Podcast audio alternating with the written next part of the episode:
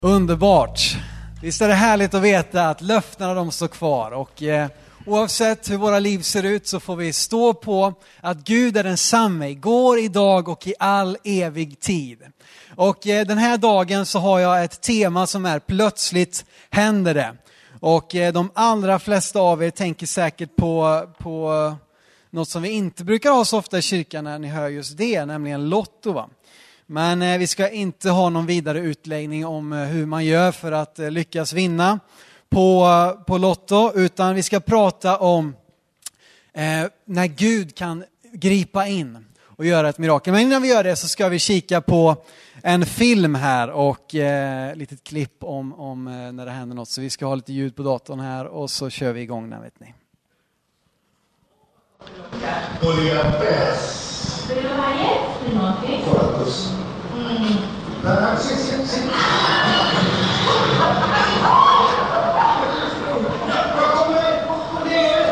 Ja, det är bra.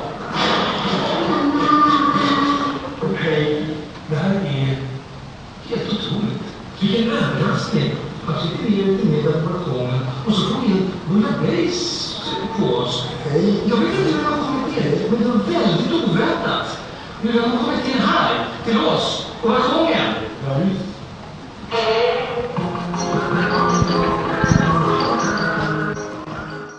Ja, så där kan det gå till. Ni känner säkert igen det kanske från, eh, från tv, de här reklamerna. Där plötsligt händer det. Va?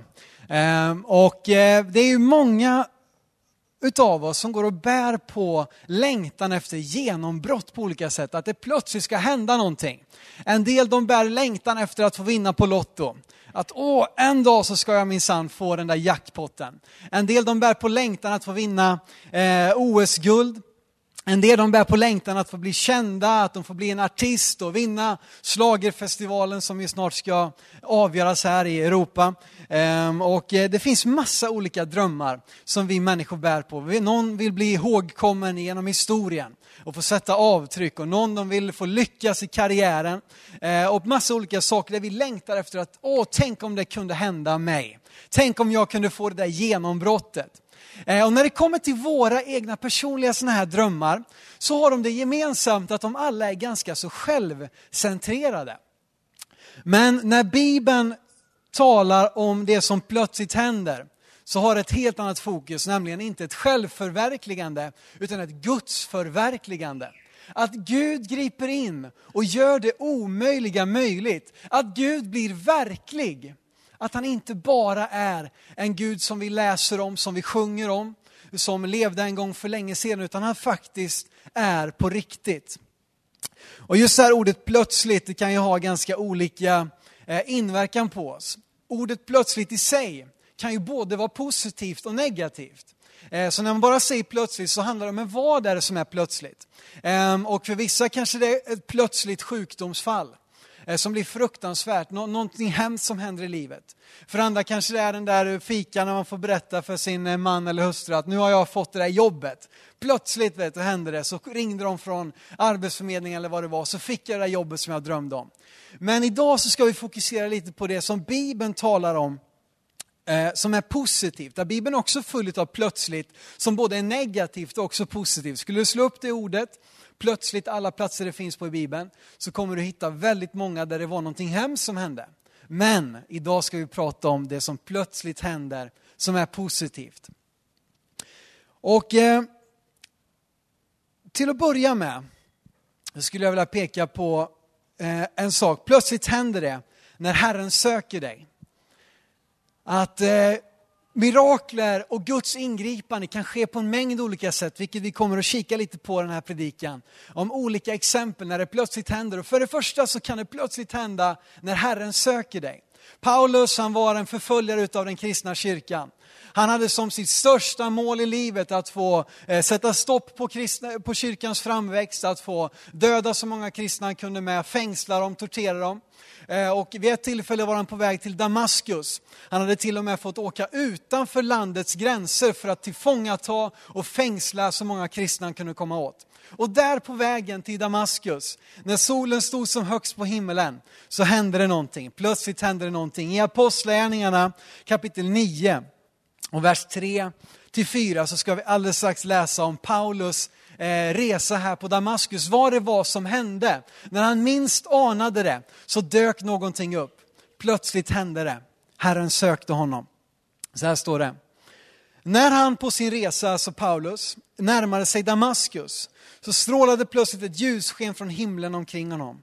Och han föll till marken och hörde en röst som sa till honom, Saul, Saul, varför förföljer du mig? Detta var Paulus första egna möte med den levande och uppstånden Kristus.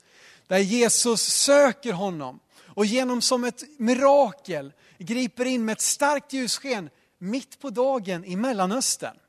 Eh, då snackar vi liksom inte om att det var en, en, en, mörk vintermorgon i Sverige, utan här är det mitt på dagen i Mellanöstern.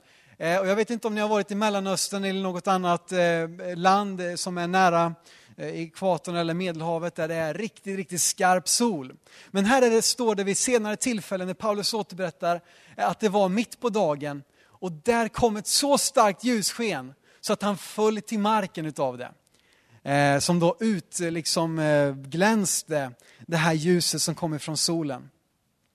När Herren sökte honom. Och läser vi vidare i kapitel 9 så får vi se hur Paulus också vänder om från sina tidigare liksom, eh, vilja att få förfölja de kristna. Så blir han istället en av de tydligaste förespråkarna som tog evangeliet från Jerusalem och vidare till eh, Turkiet och till Makedonien, Grekland och till och med till Italien och kanske till Spanien också.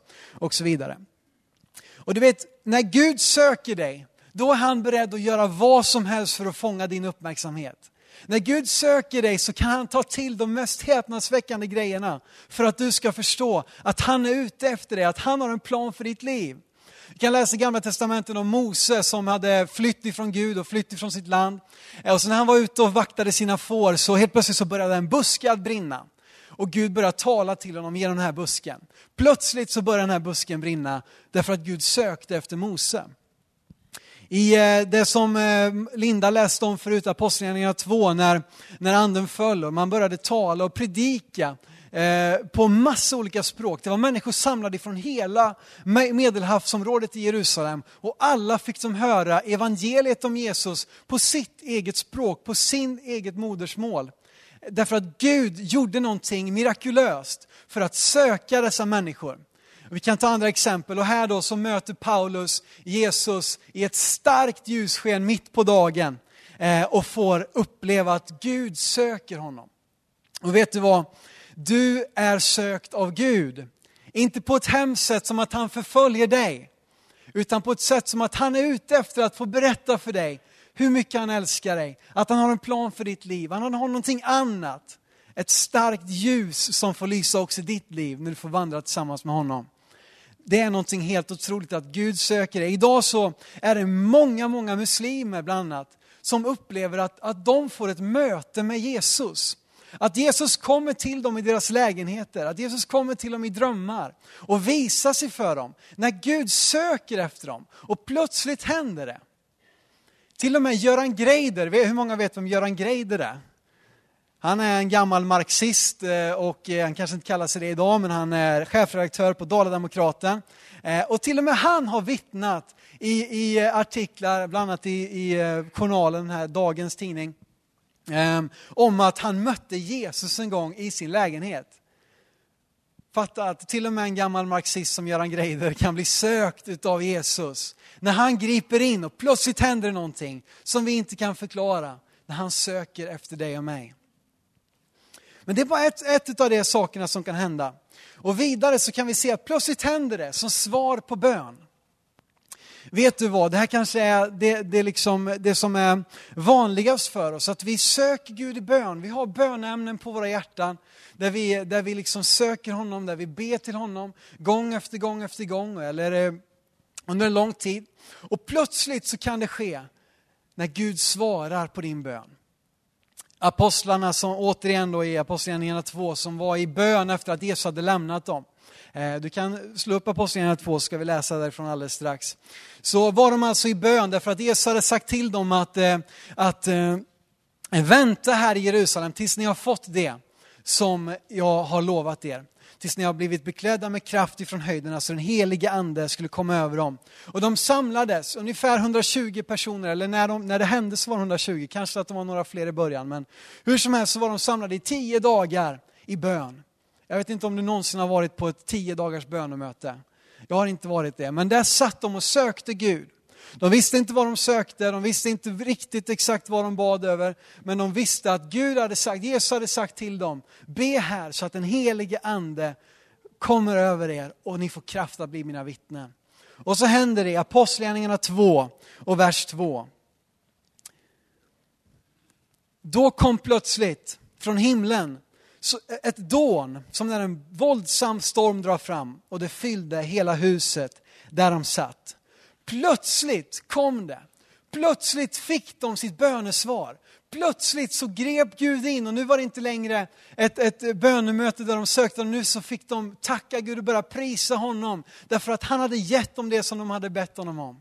Och Gud är miraklernas Gud. Gud har all makt i himlen och på jord och han kan låta dig också få se att plötsligt händer det som svar på dina bönämnen. Kanske att du har bett under en lång tid. Kanske att du, du har bett under en kort tid. Men håll ut och var trofast och be efter Guds löften och han kommer att låta dig se att det sker. Och det är ju sådär med, med bön att vi kan inte riktigt förklara varför det ibland går snabbt, ibland tar lång tid, ibland så händer ingenting och, och så vidare. Men vi vet en sak och det är att Gud har sagt att vi ska få slänga allting på att vi kan få göra alla våra önskningar kunniga för honom. Och I första Petrus kapitel 5 så finns det ett fantastiskt löfte eh, om att vi kan få lägga allting vi har i Guds händer. Och jag tänker just på detta, att det finns säkert här som har brottats med bönämnen under en lång tid. Eh, och du finns säkert här också som kan vittna om många underbara bönesvar som Gud har gett dig, när han har svarat på bön. Men hur som helst, vi vet inte exakt varför det, det, det är som det är. Men hur som helst kan vi veta att vi får lägga det i Guds händer. Vi får ödmjuka oss under honom. Vi ska läsa om detta i första Petrus kapitel 5, vers 6 och 7. Står det så här då. Ödmjuka er alltså under Guds mäktiga hand, så skall han upphöja er när hans tid är inne och kasta alla era bekymmer på honom, ty han har omsorg om er. Vet du vad?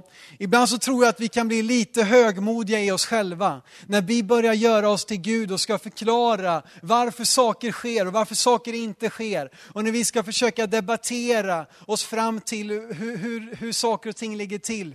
Men vet ni vad, jag tror att vi behöver ödmjuka oss under Guds mäktiga hand. Vi behöver ödmjuka oss inför att det är han som har makten, det är han som har kontrollen, det är han som är äran. Och även om jag ibland får uppleva kanske svåra saker, att jag får uppleva en lång tid i mitt liv där det inte är så som jag önskar, så får jag ödmjuka mig under Guds mäktiga hand och säga att du, Gud, du är Gud, jag är bara människa. Jag kommer tjata på dig, jag kommer be till dig, jag kommer ropa till dig, jag kommer läsa ditt ord och ta dina löften för att vara sanna.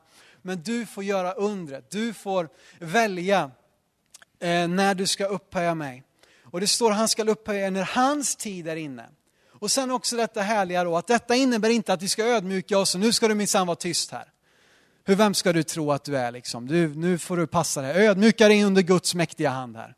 Men det som står i, i versen därefter, och kasta alla era bekymmer på honom, för han har omsorg om dig. Det är inte en ödmjukhet som gör att vi är rädda, utan en ödmjukhet där vi precis som ett barn springer i vår pappas armar eller i vår mammas armar och slänger alla våra bekymmer på dem. Och vi har fullständig tillit till att de kommer vara med oss och hjälpa oss med det som vi behöver. Och så kan Gud svara på bönen. Jag skulle vilja ge två exempel. Både ett exempel där det är uthållig bön, en, en, en kämpig bönetid ledde till ett mirakel. En gång när det skedde som på, en, på en, en, eh, ett, bara ett kort ögonblick. Ni vet ju alla att, eh, eller jag ska inte säga att ni vet alla, men ni som har varit med i den här kyrkan eh, under en tid känner ju vår tidigare föreståndare Christer Thornberg som i bara några månader efter att han hade flyttat här från Skövde eh, fick vara med om en fruktansvärd sjukdomstid. Eh, efter att ha tagit ut sig eh, sin kropp när han var förkyld, hade han inflammation eller infektion i kroppen, så blev han fruktansvärt svårt sjuk.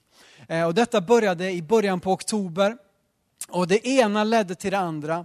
Eh, lung, han fick dubbelsidig lunginflammation. Eh, och det, det, ledde till, jag, jag, kan inte alla detaljer, så ni, men hur som helst så, så slog det ena organet ut det andra. Han fick problem med njurarna, han fick gå på dialys. Han fick ha en konstgjord lunga, han fick flygas till England. Och vi bad och vi bad och vi bad och vi skickade böneringar och böne-sms och vi liksom var med och be nu över hela Sverige och också på andra platser i vår värld så bad man för Krister. Och vi fick den ena sorgligare rapporten efter den andra. Ju mer vi bad, vi stod här framme och vi bad och vi bad i hemmen och i cellgrupper och säkert hemma vid köksbordet och många olika platser. Och ju mer vi bad och så fort det kom en ljusning så bara dippade det igen. Och till slut så var det som att det var bara maskiner som höll honom igång. Men det var mer än så, det var Gud som höll Christer igång. Och under en, en, tid här nu efter nyår, efter att ha varit sjuk i flera månader eh, och varit nästan, han, jag pratade med honom för någon månad sedan nu här, eh, där han nästan inte minns någonting från den här perioden. Att vakna upp från ett, ett, en dimma efter ett par månader eller vad det nu var exakt.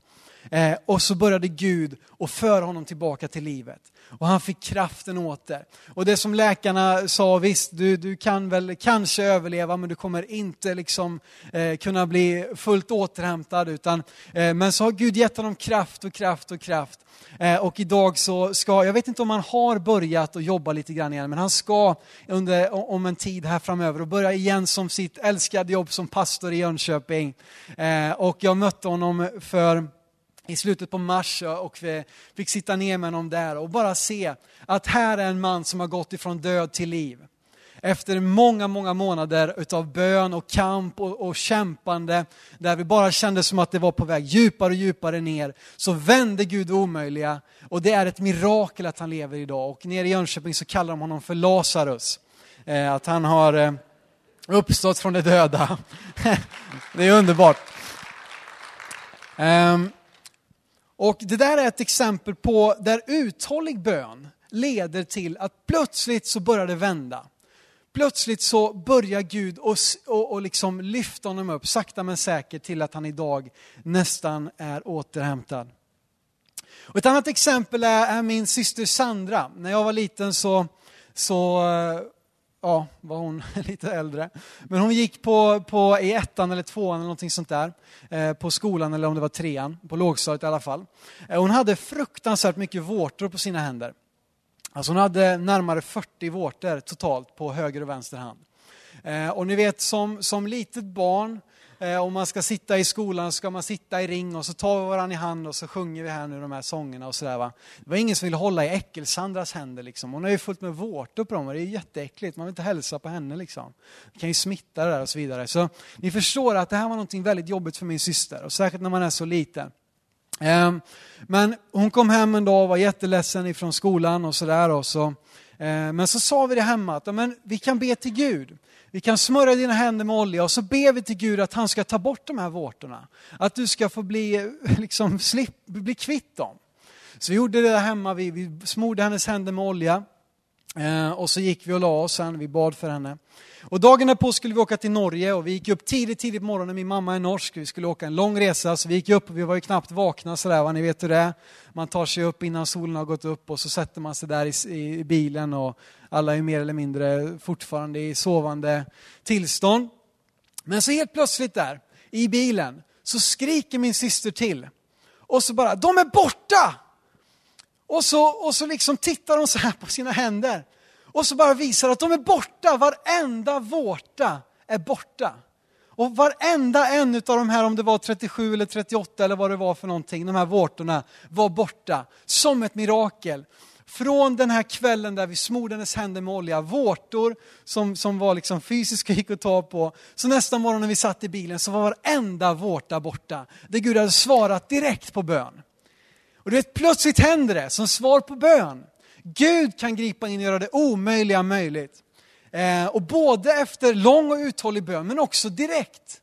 Och vi ska aldrig lura oss till att alltid be böner som att Gud, ja när din tid är inne och om långt, om du inte vill att vi ska liksom gå med denna plåga så ta bort det om tio år. Eller, utan vi ska be tros starkt, vi ska be Gud, gör mirakel.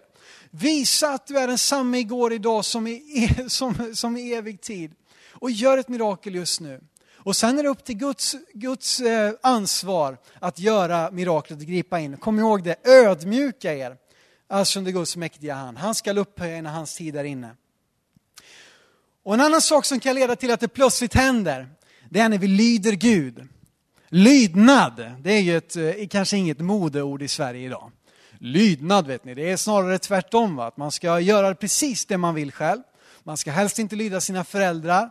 Eh, man ska liksom, eh, politikerna och sådär, de visst, de, jag lyder väl lagen och nu på ett, på ett sånär, men de ska minsann, liksom, jag gör nog minsann vad jag vill. Men vet du vad, att lydnad kan leda till ett mirakel. Josua som fick ta över efter, efter Mose som, som Israels härförare och som skulle leda dem in i det förlovade landet för många, många år sedan, eh, stod inför ett långt krig Eh, och han hade blivit uppfostrad då utav Mose som ju var upplärd i Egypten som general och hade lärt sig alla bra eh, krigsstrategier och gett det vidare till Josua som varit med också när de var på krig under sin 40-åriga vandring. Och här nu så står den här generalen Josua som var ledare för sitt folk. Och så ska de tåga in och den första staden att falla det är Jeriko. Och hur ska han nu göra? Vad ska han ha för strategi? Vad ska han välja för, för metod? Ska vi börja bygga katapulter? Ska vi liksom svälta ut dem? Ska vi, vad, vad ska vi göra här nu? Ska vi springa fram med stegar och storma muren? Ni vet alla de här grejerna som han hade lärt sig. Men så kommer Gud till honom och talar och säger den mest eh, eh larviga plan kanske som, som man någonsin har haft i sådana här krig.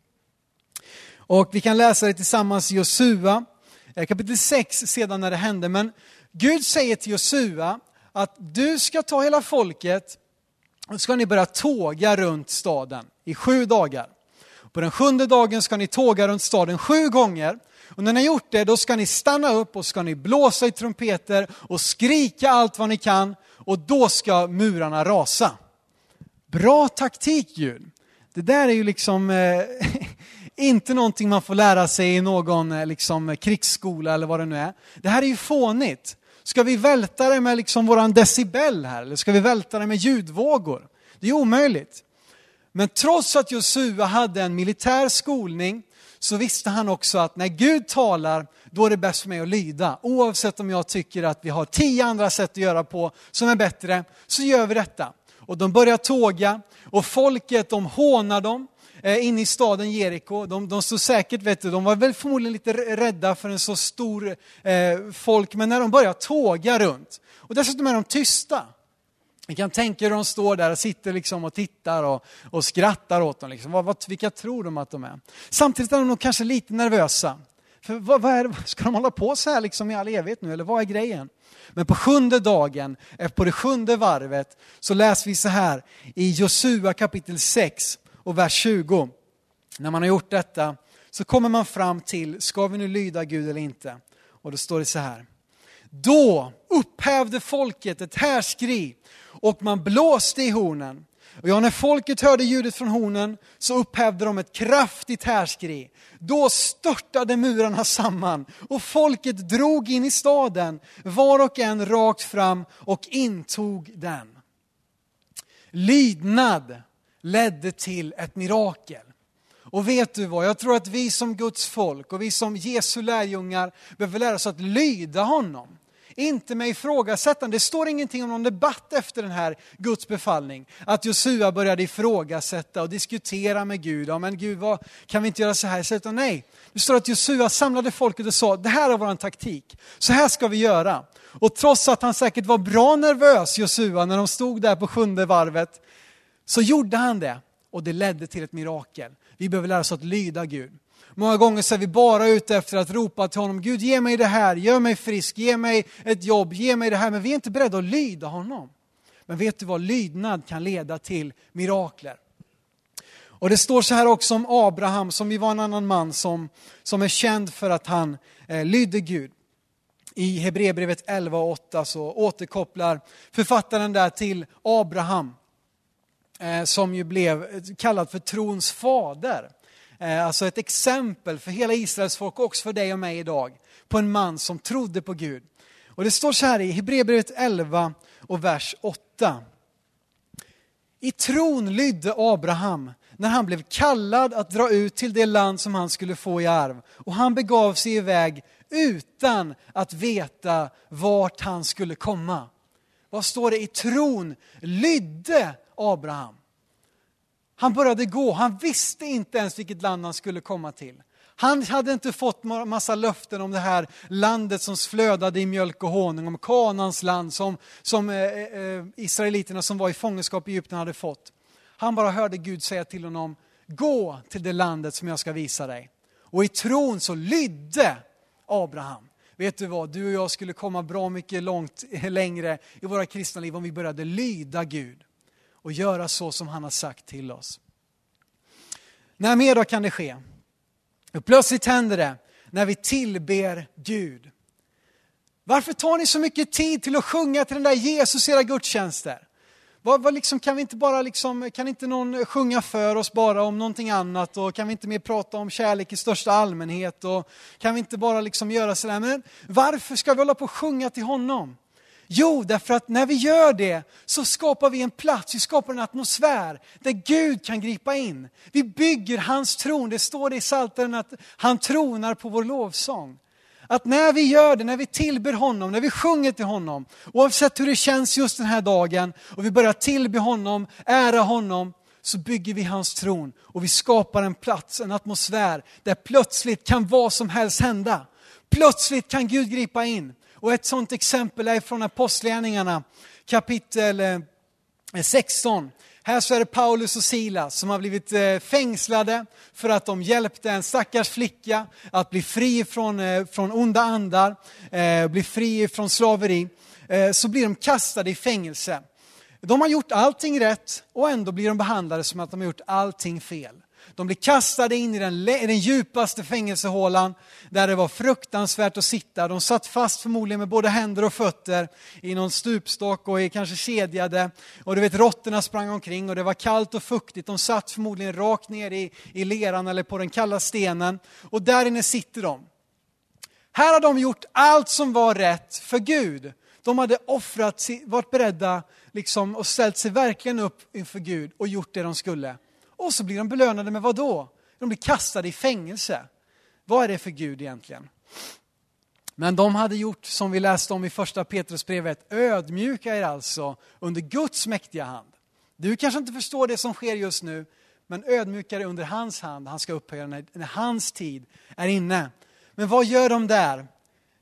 Det som borde vara det som man är minst sugen på kanske. Men de började lovsjunga Gud. De började tillbe honom. Vi läser det i Apostlagärningarna 16, kapitel 25 och 26. Där står det så här. Vid midnatt var Paulus och Silas i bön och sjöng lovsånger till Gud. Och de andra fångarna lyssnade till dem. Plötsligt kom ett kraftigt jordskalv så att fängelset skakades i sina grundvalar. I samma ögonblick öppnades alla dörrar och allas bojor lossnade och föll av. Vilken grej! Här är två stycken slagna fångar som sitter i den djupaste fängelsehålan och börjar sjunga lovsånger till Gud. Dessutom vid midnatt. Kanske att man hellre skulle vilja försöka få sig en, en blund, liksom. försöka sova igenom den här hemska natten. Men där sitter de tillsammans, Paulus och Silas, och tänker, ja, men nu, alltså Paulus och Silas kan tänka mig att de satt och snackade och så att de bara känner, ja, men vad kan vi annat göra än att bara lovsjunga Gud? Om han leder oss in i fängelse, om han leder oss in i lidande, vad spelar det för roll liksom, när vi får tillhöra honom? Han som är den levande Gud. Och så börjar de sjunga till honom. Säkert sånger de hade lärt sig när de var unga, eller sånger de sjöng tillsammans, eller hur det nu var för någonting. Men där när de tillber Gud, så sker ett mirakel. Ett jordskalv kommer, dörrarna öppnas, kedjorna faller till marken och alla fångarna blir fria. Eh, du kan gärna läsa vidare vad som hände här nu. Om, om liksom, ehm, det är en väldigt spännande historia där bland annat fångvaktaren och hans familj blir frälsta och döper sig och börjar följa Jesus. Men därför vill vi också ta tid i våra gudstjänster att tillbe Gud. Att lovsjunga honom och ära honom för den han är. Oavsett eh, vilken söndag det nu må vara så vill vi alltid bygga hans tron på det sättet och skapa en atmosfär där det plötsligt kan ske. En annan viktig sak som, som, som sker, allt detta, det plötsliga, det miraklerna, där Gud griper in, om det så är för att riva ner murar, om det är för att ge, ge svar på bön så att vi får bli fyllda med den helige Ande, eh, eller om det är helande eller vad det än är som han griper in, så händer det till Guds ära. Bibeln talar om att, att hela skapelsen vittnar om Guds storhet. Att hela skapelsen, det vackra han har skapat, är ett exempel och bara också en lovsång till Gud, det som han har skapat. Men vi får stämma in i den lovsången. Och när herdarna var på ängen den natten då Jesus föddes i Betlehem, så står det att de möttes av en änglaskara som började sjunga. Och vi läser så här i Lukas kapitel 2, vers 13. Där herdarna här sitter i en mörk och vanlig natt. Plötsligt så kommer en ängel till dem och när han har talat till dem så sker detta. Lukas 2 och 13. Plötsligt var där tillsammans med ängeln en stor himmelsk här som prisade Gud. Det som sker ska vara till hans ära. Vi kan aldrig ta del utav, utav liksom äran eller att vi, nu ska vi tacka den som predikade idag för att jag blev helad. Eller nu ska vi tacka dem som sjöng. Eller ska vi tacka dem som har fixat allting praktiskt. Eller jag ska tacka just den, eh, alltså vi kan tacka men vi ska inte ära på det sättet att vi tar utav Guds eh, ära. Utan vi får bara vara med och peka på Jesus. Det sker till hans ära. Oavsett vad han griper in och gör så sker det till hans ära. Och för Gud är ingenting omöjligt. För Gud är ingenting omöjligt. Om det så gäller sjukdom, om det gäller pengar, om det gäller depression, ångest, mörker. Så för Gud är ingenting omöjligt. Och vi ska läsa nu några bibelord, kanske att du inte hinner slå upp dem alla, men vi ska läsa om vad som står i evangelierna på fyra ställen som bara bekräftar varandra talar om detta, att för Gud är ingenting omöjligt. Först i Lukas 1.37. Ty för Gud är ingenting omöjligt. Vidare i Matteus 19 och vers 26. Jesus såg på dem och sa, för människor är det omöjligt, men för Gud är allting möjligt. Lukas 18 och vers 27. Han svarade, det som är omöjligt för människor är möjligt för Gud. Markus 10.27 Jesus såg på dem och sa, för människor är det omöjligt, men inte för Gud. Ty för Gud är allting möjligt. För Gud är ingenting omöjligt, nej för honom är allting möjligt. Oavsett vad du möter för berg, hinder, prövningar i ditt liv, så kan Gud gripa in och förvandla det. Och plötsligt händer det. När Gud gör det omöjliga möjligt. Och hur kan vi då få del av detta? Tre korta bokstäver, ett enkelt litet ord. Tro. Det är det enda vi kan, vi kan på något sätt eh, försöka komma fram med. Vi kan inte få det genom gärningar, genom att men nu har jag minsann nu gått i kyrkan här nu fyra söndagar i rad, nu kommer nog bönesvaret. Eller nu har jag betalat in mitt tionde här, det kommer nog leda till att Gud, ehm, eh, liksom, nu kommer det här bönesvaret. Nej, alltså det här, det här har att vandra med, i lydnad. Vi ska vandra i lydnad till honom, göra det som han har sagt till oss att göra. Men det kan inte liksom som automatik leda till att det sker. Men tro, det är det vi får ha. Och det står så här i Hebreerbrevet 11 och vers 6. En eh, ganska utmanande vers som jag tycker att vi, att, som jag hoppas att du kan ta med dig härifrån idag. Hebreerbrevet 11, vers 6. Men utan tro är det omöjligt att behaga Gud. För den som kommer till Gud måste tro att han är till och belöna dem som söker honom. Du vet att vi kan inte ha bilden utav Gud som enbart en straffande Gud. Som enbart, nej alltså han vill nog inte hjälpa mig. Nej men vet du vad? Utan tro är det omöjligt att behaga Gud. Det enda du kan ge tillbaka är att du tror på honom. Att du läser hans ord och tackar Gud. Tack Jesus för ditt ord. Tack för dina löften. Tack att det är sant. Och när det kommer till det här med tro, då kan det lätt bli krampaktigt. Men vet du vad, när jag var i, i, i Zambia vid ett tillfälle så lyssnade jag till en väldigt klok man som heter Kristoffer Alam. Han hade ett pastorsseminarium där. Och då sa han en grej som jag aldrig har, jag har glömt bort efter det, utan som jag tvärtom kommer tillbaka till gång på gång. Om tro, vad det är för någonting. Och jag har försökt översätta det till svenska så gott det går. Och där stod, då sa han så här, tro är inte vårt ansvar efter bästa förmåga, utan vårt gensvar på Guds förmåga. So faith is not our responsibility, it is our response to God's ability. Det är så otroligt bra det här, så om vi kunde fatta det. Så att bli inte krampaktig, tror jag, tror jag, eller vad är det? Nej men att ha tro, det handlar om att bara ge gensvar på den som Jesus är. Wow, Jesus dog för mig på korset och vi läser ur, ur hans ord och liksom bara tar till oss. Och vi får ge det som ett gensvar på det som Gud kan göra. Inte som ett ansvar att, åh nu måste jag tro. Nu måste jag ta ifrån tårna så att, så att Gud verkligen förstår att jag tror. Nej men du vet, du kan vara precis hur svag som helst. Du kan vara helt ny i tron, du kanske inte ens har en tro. Du kanske inte ens har sagt ditt ja till Jesus. Men oavsett så kan du bara få ge ett gensvar. Gud, jag tror att det du sagt, det stämmer idag. Gud, jag tror att det du gjorde på korset, det håller för mig idag. Och vi får ge det som ett gensvar på Guds förmåga.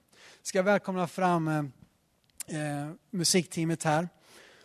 Nu ska vi alldeles strax fira nattvard. Jag skulle vilja säga det att nu i nattvarden här så är det ett tillfälle, inte bara en ritual, då vi ska minnas och se tillbaka, utan det är en, en, en gemenskapsmåltid med Jesus. Det är att vi säger Jesus, jag vill ha del av det som du har gett, det som du gjorde på korset. Jag vill tillhöra ditt folk, jag vill tillhöra dig. Jag vill ha gemenskap med dig. Och när du tar utav brödet, utav vinet, utav Jesu egen kropp och blod, så får du också del av hans fulla försoningsverk. Och vet du vad? Jag tror att mirakler kan ske när du tar emot nattvarden idag. Jag tror att under kan ske nu när vi ska gå mot den sista delen i vår gudstjänst. För Gud är allting möjligt. Och det vi får ge som vårt gensvar till det, det är våran tro. Och bara säga Gud, jag tror. Jag fattar inte mycket, men jag tror att du har kollen. Jag tror att du är den du säger dig vara. Ska vi be tillsammans innan vi lovsjunger Gud och nattvardskännaren ska göra sig redo eh, innan vi firar nattvard tillsammans. Jesus, jag tackar dig för din stora, stora nåd, Herre. Tack Jesus för att eh, eh, tro och det du kan göra, det handlar inte om oss, Herre. Det handlar enbart om dig. Det som du gjorde på korset. Tack Jesus för att det höll, att det var tillräckligt, Herre. Att du är densamme idag, Herre. Att du kan göra under idag, Jesus. Fyll våra hjärtan med tro. Fyll våra liv med en, en fullständig tillit till dig, Herre. Att vi inte sätter vår förhoppning till våra egna pengar, till våra egna, våra eget förstånd, vår egen utbildning eller vad det nu kan vara, utan vi sätter vårt hopp till dig, Herre Jesus. Jag ber dig om det och gör ditt verk, Herre. Låt det ske, Herre. Låt, vi kunna, låt oss kunna gå hem och vittna om, plötsligt hände det. När Gud grep in och gjorde ett mirakel i mitt liv. Jag ber så i Jesu namn. Amen.